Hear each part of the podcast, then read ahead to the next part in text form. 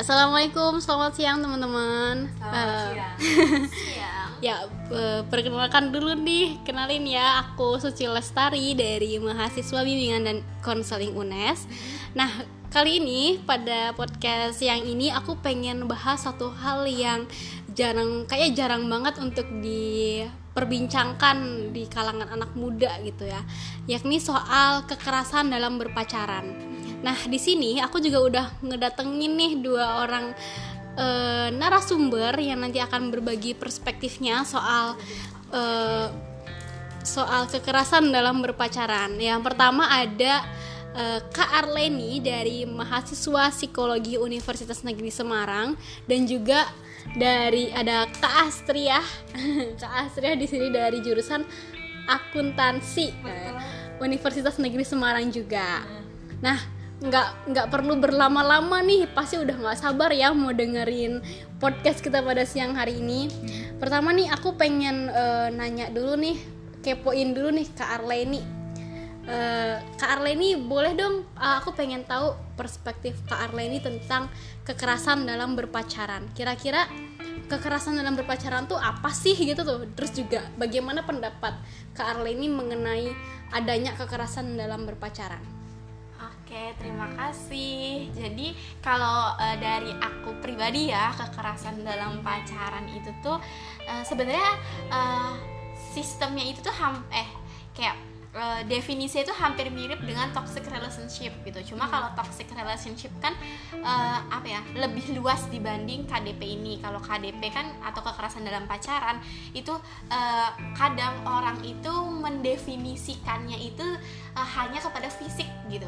Nah, sedangkan KDP ini setahu aku itu tuh bukan hanya fisik aja, tapi KDP ini tuh bisa di eh, apa ya menyerang mental juga, maksudnya menyerang lewat verbal. Jadi KDP ini ada banyak jenisnya, ada verbal maupun non verbal, eh verbal maupun fisik gitu.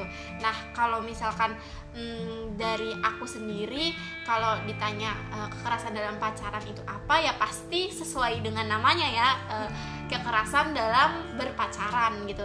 Nah, cuma bentuknya ini ada eh, kekerasan fisik yang menurut aku lebih berbahaya kekerasan verbal dibanding kekerasan fisik. Dua-duanya eh, kita sepakat ya saling eh, apa ya sama-sama berbahaya, tapi efek dari kekerasan verbal ini yang kadang kita itu nggak sadar gitu loh kalau misalkan misalkan ada eh, pacar kita yang ngatain kita kita itu bodoh kita itu bego dan lain sebagainya. Nah itu termasuk kekerasan juga dalam pacaran. Cuma terkadang kalau orang yang berpacaran itu kan artinya dia sudah terselimuti oleh kasih sayang gitu.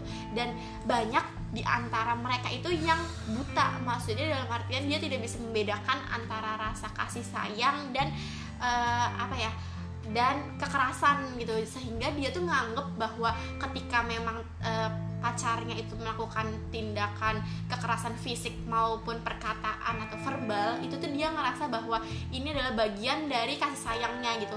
Kayak misalkan itu bagian dari apa ya rasa eh, misalkan dia cemburu dia melakukan ini karena dia cemburu kok nanti juga dia balik lagi. Padahal orang yang sudah melakukan ke, orang yang sudah melakukan kekerasan itu dia itu nggak bisa sepenuhnya itu balik menjadi orang yang biasa lagi. Karena dia itu tuh udah habit orang gitu loh bahwa setiap kesalahan atau setiap ada yang tidak sesuai dengan keinginannya pasti dia akan mengulangi hal yang sama. Jadi tuh menurut aku ini perlu diwaspadai sih terutama untuk korban atau eh, apa ya yang sedang berpacaran. Tolong bedakan mana itu eh, cinta dan mana itu obsesi gitu loh. Karena terkadang itu tuh orang tuh menganggap obsesi yang cenderung keras kayak misalkan eh, apa ya eh, dapat pelecehan atau misal dapat kekerasan fisik maupun verbal itu dia nganggapnya itu eh, apa ya dirinya itu tuh eh, melakukan ini karena dia cinta karena dia sayang padahal itu adalah bagian dari kekerasan gitu. Oke, nah eh, ini saya juga baru ini nih baru nangkap nih bahwa maksudnya baru tahu ya kalau Ah. misalkan kekerasan itu bukan hanya soal fisik tapi juga verbal gitu. Iya. Namun yang sering dilihat sama orang-orang kayak kekerasan yang nanti yang katanya ada yang mukul atau Mhm. nyubit terus Mhm. sampai ngebiru ini yang membekas eh, luka gitu ya di tubuh itu saya kira cuma sebagian hanya sebatas itu doang. Tapi ternyata sampai ke fisik juga eh, mengata-ngatain fisik gitu ya. Itu termasuk eh, Kekerasan. kekerasan ya Iya. gitu ya. Nah eh, saya juga eh, pengen tahu nih eh, kalau menurut Kak Arleni sebenarnya ada nggak sih eh, antisipasi kita supaya eh, ini ya bisa menghindari diri dari eh, atau cara kita untuk ketika kita menghadapi pacar atau pasangan yang tiba-tiba eh, udah eh, kenal mulai deket terus malah ada kekerasan ataupun mulai ngata-ngatain gitu. Nah gimana respon kita yang baiknya itu seperti apa gitu? Oke, terima kasih atas pertanyaannya Suci. Jadi seperti ini, Eh, semua pasti tahu kalau misalnya kunci dari hubungan itu adalah eh, apa komunikasi gitu. Semua itu tuh ujungnya tombaknya itu adalah komunikasi. Itu tuh sama dengan hal kita berpacaran. Yang di apa sih masalah orang berpacaran itu gak jauh-jauh dari komu- miskomunikasi, gak jauh-jauh dari eh, apa ya kesalahpahaman eh, gitu. Nah eh, ini kekerasan dalam berpacaran itu, misalkan eh, pasangan kita telah melakukan kekerasan tersebut, nah kunci pertama gitu kita harus komunikasi sama pacar kita bahwa hal eh, apakah hal ini itu bisa dirubah atau tidak gitu, karena kita tidak bisa menjudge orang tersebut akan buruk selamanya gitu. Kalau misalkan kita tidak mengkomunikasikan padanya. Kalau misalkan orang tersebut itu ke- apa ya ketika kita mengkomunikasikan nih ke orang tersebut bahwa eh, apa sih aku nggak suka misalkan ya misalkan eh, aku ada nih aku ada pacar. Terus aku bilang aku aku mendapat KDP kekerasan dalam pacaran. Nah aku bilang sama pacarku aku nggak suka eh, tindakan kamu yang kayak gini. Aku nggak suka dikasarin aku nggak suka kamu main fisik. Kalau misalkan eh, apa ya kamu bisa berubah ya eh, aku bakal maafin kamu. Tapi kalau misalnya kamu nggak berubah ya aku bakal tinggalin kamu. Jadi menurut aku hal yang pertama itu kita sebagai korban itu harus melindungi diri dengan cara bertanya kepada orang tersebut bahwa kita nggak suka atas tindakannya. Nah, ketika memang orang tersebut bisa menerima dan dia bilang bahwa dia mau berubah dan dia minta maaf, eh, tidak ada salahnya untuk kita memberi kesempatan kedua Hmm. karena ya manusia itu adalah tempatnya salah gitu ya. Tapi balik lagi ketika memang sudah diberi kesempatan kedua dia tetap mengulangi itu pilihan di dalam diri kita sendiri karena menurut aku orang melakukan kesalahan satu kali itu bisa dimaafin tapi orang melakukan kesalahan dua kali itu eh, bukan bukan kesalahan yang tidak disengaja lagi tapi emang itu udah jadi habit atau kebiasaannya gitu loh. Jadi eh, ketika memang pasangan kamu saat eh, sudah di awal sudah minta maaf kalau dia bakal berubah tapi ternyata dia nggak berubah nah itu berarti eh, apa namanya pilihan kamu untuk meninggalkannya atau tetap bersama tapi kamu akan merasakan sakitnya terus menerus gitu. Jadi eh, apa menurut aku kalau misalkan kamu eh, mempunyai pasangan yang melakukan kekerasan dalam berpacaran nggak apa-apa buat kamu stay dulu di awal. Karena mungkin kalian saling jatuh cinta gitu. Tapi ketika memang itu berlanjut eh, kamu sudah mengkomunikasikannya ya nggak ada pilihan lagi untuk ninggalin. Ketika memang kamu nggak mau ninggalin berarti kamu ninggalin diri kamu sendiri gitu loh. Jadi eh, pilihannya itu antara kamu ninggalin orang itu atau kamu ninggalin diri kamu sendiri. Ninggalin kamu diri sendiri itu artinya maksudnya ka- ya kamu berarti udah pasrah diri kamu mau diapain. Kamu udah eh, apa ya sudah siap gitu. menerima diri kamu untuk diperlakukan bagaimanapun gitu. Padahal di sini kamu itu bertanggung jawab atas kebahagiaan kamu gitu loh. Ketika memang manusia itu hidup untuk kebahagiaan orang lain menurutku itu adalah manusia yang paling bodoh. Ngerti gak sih? Kayak iya. kamu tuh di dunia ini terlahir untuk membahagiakan diri kamu. Buat apa sih kamu berhubungan? Buat apa sih kamu mm, apa ya menjalin komunikasi dengan orang lain ya tujuannya buat kita bahagia kan. Mhm. kalau misalkan memang sekiranya hubungan itu tidak bisa membuat kita bahagia ya udah tinggalin. Kalau memang kamu nggak sanggup buat ninggalin ya udah berarti kamu eh, perlu menanggung konsekuensinya kalau kamu nggak bakal nggak bakal bahagia. Gitu. Gitu. wah keren banget nih tipsnya dari Kak Arleni.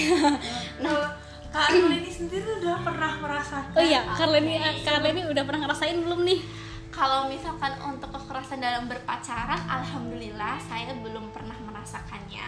Karena eh, apa ya sa- otak saya masih sadar. Maksudnya ketika memang hati saya eh, mencintai seseorang tapi eh, saya masih memakai otak saya untuk berpikir secara logika gitu loh bahwa eh, di dunia ini kadang ada yang apa ya ada yang baik untuk hati kita uh, ada yang membuat kita bahagia tapi itu tuh nggak baik untuk masa depan kita jadi kita tuh perlu membedakan antara uh, apa ya uh, antara hidup ya udahlah kan kadang ya namanya remaja biasanya KDP ini kan Iya. dialami oleh remaja atau dewasa awal ya Hmm. kita tuh mikir kayak ya udahlah ini fase kita untuk senang-senang gitu loh Uh, Hmm. kayak ini kan juga nggak serius nggak bakal Hmm. sampai nikah juga nggak apa-apa toh ini juga hubungan cuma main-main Hmm. Eh, nah eh, perlu digarisbawahi sih menurutku antara kamu menikmati masa mudamu atau kamu menghancurkan masa depanmu gitu loh kalau misalkan memang sekiranya hal tersebut dapat menghancurkan masa depan Hmm. karena menurut aku pribadi ya kekerasan dalam pacaran itu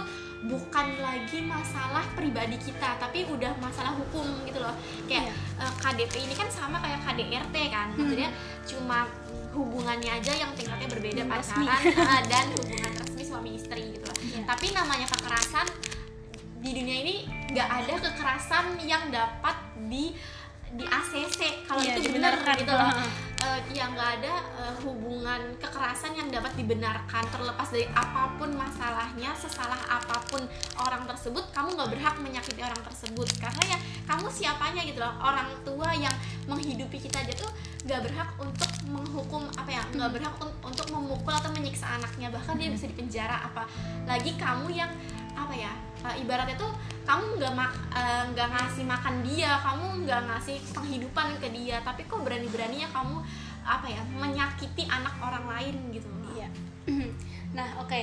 Eh, selanjutnya aku pengen tahu juga nih kalau perspektif dari Kak Astri nih ya soal eh, kekerasan dalam berpacaran dan menurut Kak Astri sendiri eh, apa ya? Tipsnya nih, tips membangun hubungan yang sehat itu seperti apa? Silahkan Kak Astri. Wah, terima kasih tadi aku sangat takjub banget dari apa yang dikatakan sama Arleni ya. Iya, bener. Teorinya, wah ternyata sama ini yang saya sendiri Mbak Suci bener-bener nggak tahu kalau misalnya perkataan adalah salah satu bentuk kekerasan. Oke. Mungkin ini yang agak menarik ya yang mengenai eh, berbagai sebenarnya saya juga termasuk orang yang tidak setuju dengan perkataan-perkataan yang mengacu ke bentuk fisik ya. Mhm. Tapi beberapa orang me- me- meng- menyetujui gitu ya. Beberapa orang menganggap bahwa itu adalah hal yang Wajar. wajar dan Ya. dan memang eh, itu adalah hal yang mungkin kitanya aja yang baper. Sering gak sih dikatain kayak gitu? Ya. Jadi eh, sebenarnya aku adalah tipikal orang yang sangat menghindari sekali untuk berbicara mengenai fisik.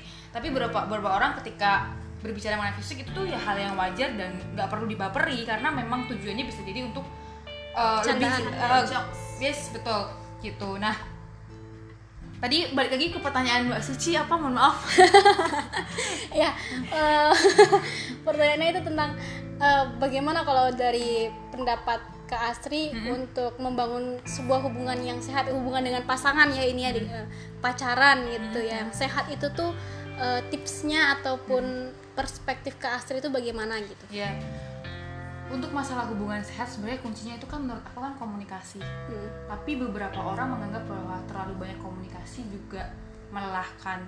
Paham nggak sih? Paham. Jadi eh, aku menganggap bahwa komunikasi adalah bermaksud aku adalah ketika kita sudah menyetujui untuk berhubungan satu sama lain, menjalin komitmen gitu ya. Artinya kita sudah luas lapang dadanya untuk bisa menerima setiap kekurangan. Tetapi bukan berarti kekurangan itu harus bisa diterima kita apa adanya. Menurut aku ya, Hmm. bukan berarti kita eh, aku sendiri tidak mau menerima pasangan apa adanya. Bukan berarti aku nggak mau menerima semua kekurangan dia. Bukan itu. Maksud aku adalah kita adalah dua manusia yang masih dalam proses berkembang dan bertumbuh. Hmm. Kalau misalnya kita tetap menerima apa adanya, menurutku jatuhnya akan tidak berkembang. Itu itu perspektif aku sih. Itu perspektif Iya. aku sih. Bukan berarti eh, hubungan saya adalah tidak tidak menjadi diri sendiri enggak. Maksudnya adalah eh, aku berbicara apa menurut aku di eh, pasanganku juga berbicara menurut dia dan kita komunikasikan baiknya seperti apa gitu. Jadi segala hal sesuatu itu harus dikomunikasikan sebenarnya. Tetapi ber- beberapa orang menganggap bahwasanya komunikasi terlalu banyak komunikasi menganggap bahwa itu adalah dikte dan juga itu adalah judge.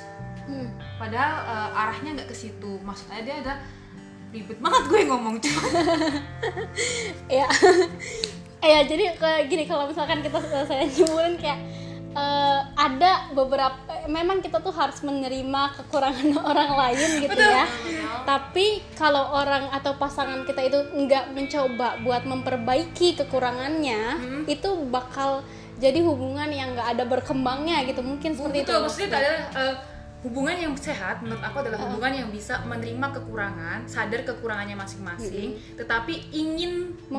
berkembang Hmm. ingin berkembang bukan berarti semua manusia adalah sempurna enggak Iya. tapi maksudnya ketika kesalahan bisa diperbaiki kenapa enggak Oke. ya kan Hmm, ketika kesalahan bisa kita rubah kenapa enggak Iya. kalau misalnya kamu masih nggak bisa rubah dan itu cukup merugikan buat aku dan aku belum dan melewati batasan yang aku punya menurut aku udah nggak sehat oke Hmm. maksudnya nggak sehat untuk diri aku karena sering kali itu melukai nilai yang ada di dalam diri aku paham setiap orang punya nilai menurut Iya. aku setiap orang punya nilai dan ketika pasangan kita sudah melewati nilai yang menurut aku itu adalah nilai yang berharga dan menurut aku itu tuh nggak sehat. Nah di situlah pentingnya komunikasi. Aku mengkomunikasikan apa yang se- seharusnya menjadi nilai aku dan dia mengkomunikasikan apa yang menjadi nilai kita. Tapi ketika uh, sudah tidak ada nil- uh, jalan tengah Hmm. untuk uh, menyambungkan antara nilai per orang ini dan iya.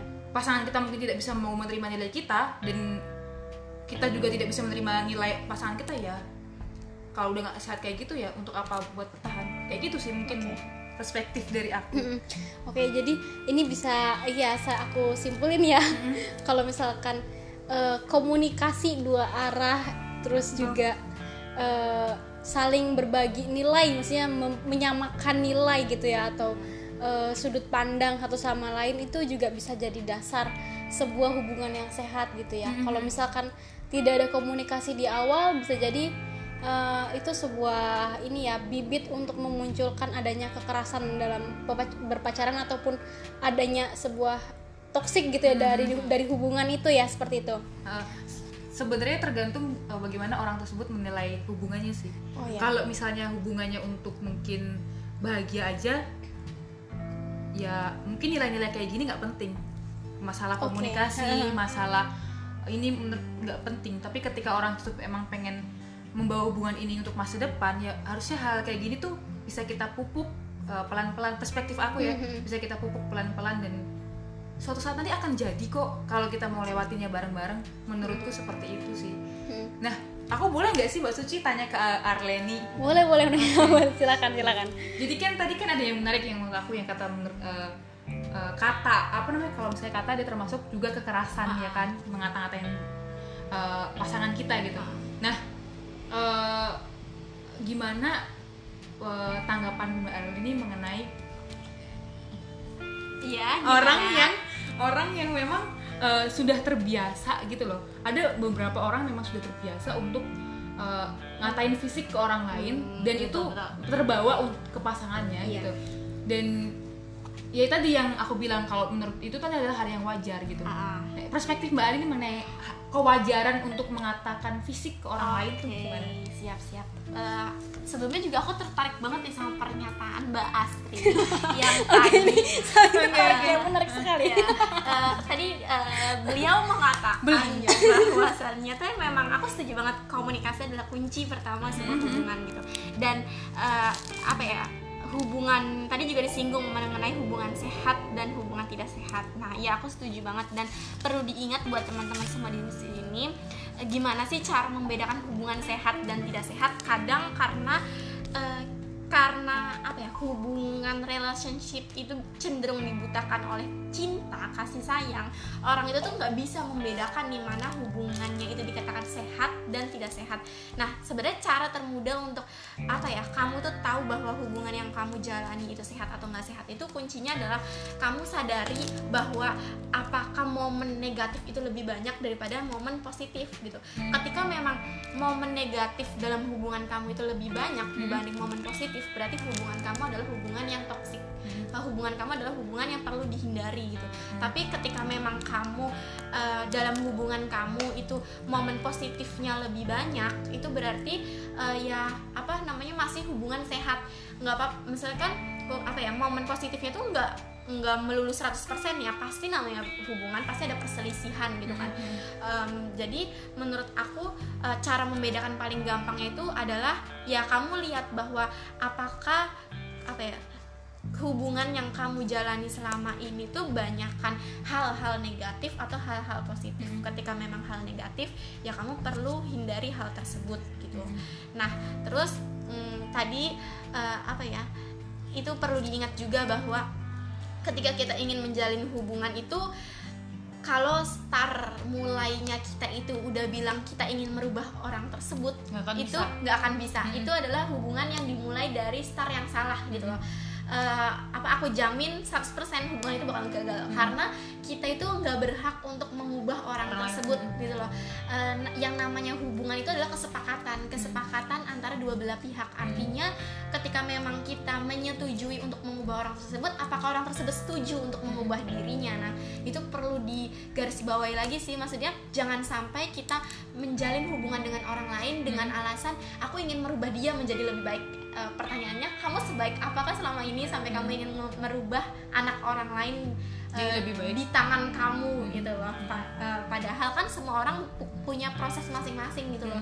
Ketika memang kamu sudah bersepakat untuk menjalin hubungan dengan dia ya benar kata Mbak Astri tadi kita harus menerima segala kekurangan yang dimiliki orang tersebut. Tapi balik lagi kita punya batas atau nilai, nilai. kewajaran yang di dalam uh, itu menurut aku udah prinsip ya. Maksudnya ketika memang orang tersebut melanggar prinsip yang sifatnya konkret dan nggak bisa nih prinsip itu di otak atik tuh nggak bisa. Kalau hmm. misalkan kamu prinsipnya udah sampai uh, J ya bakal sampai J terus hmm. kapan pun itu. Karena prinsip itu apa ya sifatnya udah idealis kita sendiri gitu loh. Hmm. nah ketika memang pasangan kamu itu udah melanggar prinsip itu ya berarti uh, apa pilihannya? Ya kamu harus mundur karena uh, apa ya kita udah berbeda prinsip. Kalau ibaratnya kalau agama itu berbeda keyakinan gitu loh. Jadi uh, keyakinan itu bukan melulu soal agama tapi keyakinan itu cara kita ber apa ya cara kita untuk hidup juga kan merupakan keyakinan kan hmm. kalau misalnya emang uh, dia apa ya dia nggak yakin eh dia yakin sama kehidupannya kita yakin sama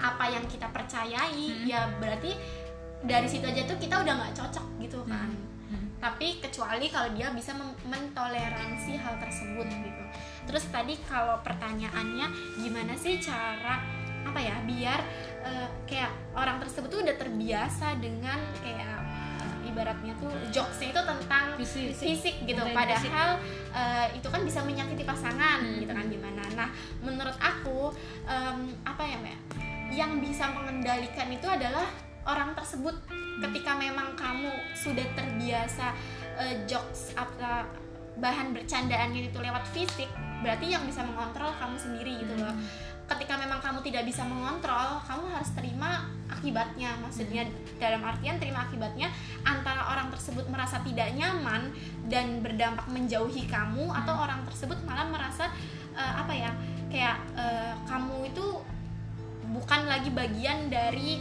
uh, temen yang dapat dihargai olehnya gitu loh jadi um, emang aku paham banget sih namanya habit atau kebiasaan itu nggak bisa dirubah dengan cepat hmm. tapi kita juga perlu ingat menjaga perasaan itu adalah uh, apa ya menjaga perasaan itu tuh kewajiban setiap pihak gitu loh hmm. uh, ketika memang kamu mungkin sudah terbiasa untuk membawa fisik apa ya sebagai bahan lelucon. Uh, candaan tapi orang lain tuh gini ya kita perlu menggarisbawahi kita tuh nggak bisa menjudge orang lain itu sama sama kita. Kayak ih kamu baper banget. Iya kamu nggak baper tapi belum tentu orang itu gitu loh. Jadi hmm. uh, kita tahu batasan kita gitu loh. Jangan sampai kita lewat batasan karena bisa jadi yang kita anggap bercandaan bagi orang lain itu bukan bercandaan tapi bah apa ya jadi kesedihan buat dia gitu. Dan menurut aku yang bisa ngontrol tuh orang tersebut sih.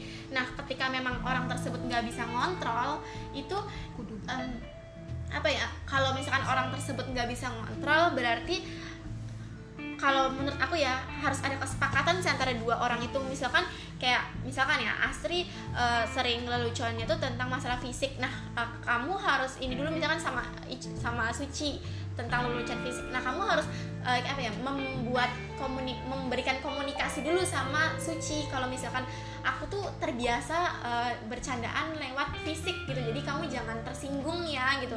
Nah uh, jadi tuh udah ada konfirmasi gitu loh. Jadi uh, si uh, uh, si Suci tuh bisa jadi si Suci itu tuh kan jadi kayak mikir kalau misalkan dia uh, dikasih lelucon fisik dia udah udah tahu gitu loh bahwa Astri itu tuh hmm. adalah orang yang memang seperti itu hmm. toh kalau misalkan uh, Suci itu udah nggak betah dengan leluconnya Astri pasti dia bakal ninggalin Astri kan nggak mungkin Suci itu bakal uh, bertahan selama apa apa ya bertahan nyaman dengan Astri gitu pasti hmm. ada intensitasnya meskipun mereka masih saling berteman tapi intensitasnya kan pasti bakal berkurang gitu tapi menurut aku sih uh, ini sih buat orang-orang yang mungkin sekarang masih bercandanya lewat fisik ataupun dia menganggap hal tersebut lelucon um, menurutku perlu dikaji ulang. Maksudnya nggak semua hal yang kita anggap biasa itu menjadi biasa di orang lain. Kadang yang apa ya kita tuh punya bahan sensitif masing-masing gitu loh. Kayak uh, bagi Icu bagi Suci ini nggak sensitif tapi bagi Astri ini sensitif. Ah, jadi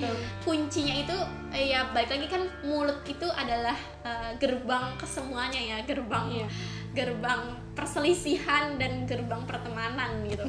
Nah uh, bisa jadi mulut kamu itu adalah awal perselisihan kamu dengan orang lain. Gitu. betul. Oke okay ini bener-bener pembahasan yang dalam banget ya gitu ya uh, tentang saya uh, inti dari sebuah hubungan yang sehat itu adalah komunikasi awalnya menyem, uh, menyamakan perspektif menyamakan nilai menyamakan uh, sebuah sudut pandang dan saling menerima gitu ya maksudnya menerima hal-hal baiknya dan juga uh, gimana hubungan yang baik itu supaya terus berkembang gitu jadi ada orientasinya betul, buat ke masa betul. depan gitu ya, ya betul, betul. Uh, terus uh, dan memang buat teman-teman yang mungkin lagi mengalami nih kekerasan dalam berpacaran itu ya baik adanya uh, kekerasan fisik maupun verbal itu uh, alangkah lebih baiknya teman-teman mungkin bisa memikirkan ulang gitu ya apa iya bakal uh, tahan di situasi yang seperti itu atau uh, mau mulai nih langkah awal yang baru uh, mungkin bisa dimulai dengan mencintai diri sendiri terlebih dahulu seperti itu. Oke okay, buat teman-teman semuanya terima kasih udah ngedengerin nih uh, podcast kita pada siang hari ini terima kasih juga buat Kak Arleni dan juga Kak Astri yang sudah membagi perspektifnya membagi cerita dan juga sudut pandangnya Uh, saya Suci Lestari mau undur diri dulu nih ya mohon maaf apabila ada satu kata yang salah ataupun ada pihak yang tersinggung Saya akhiri wabillahi taufiq wal hidayah. Wassalamualaikum warahmatullahi wabarakatuh. Dadah.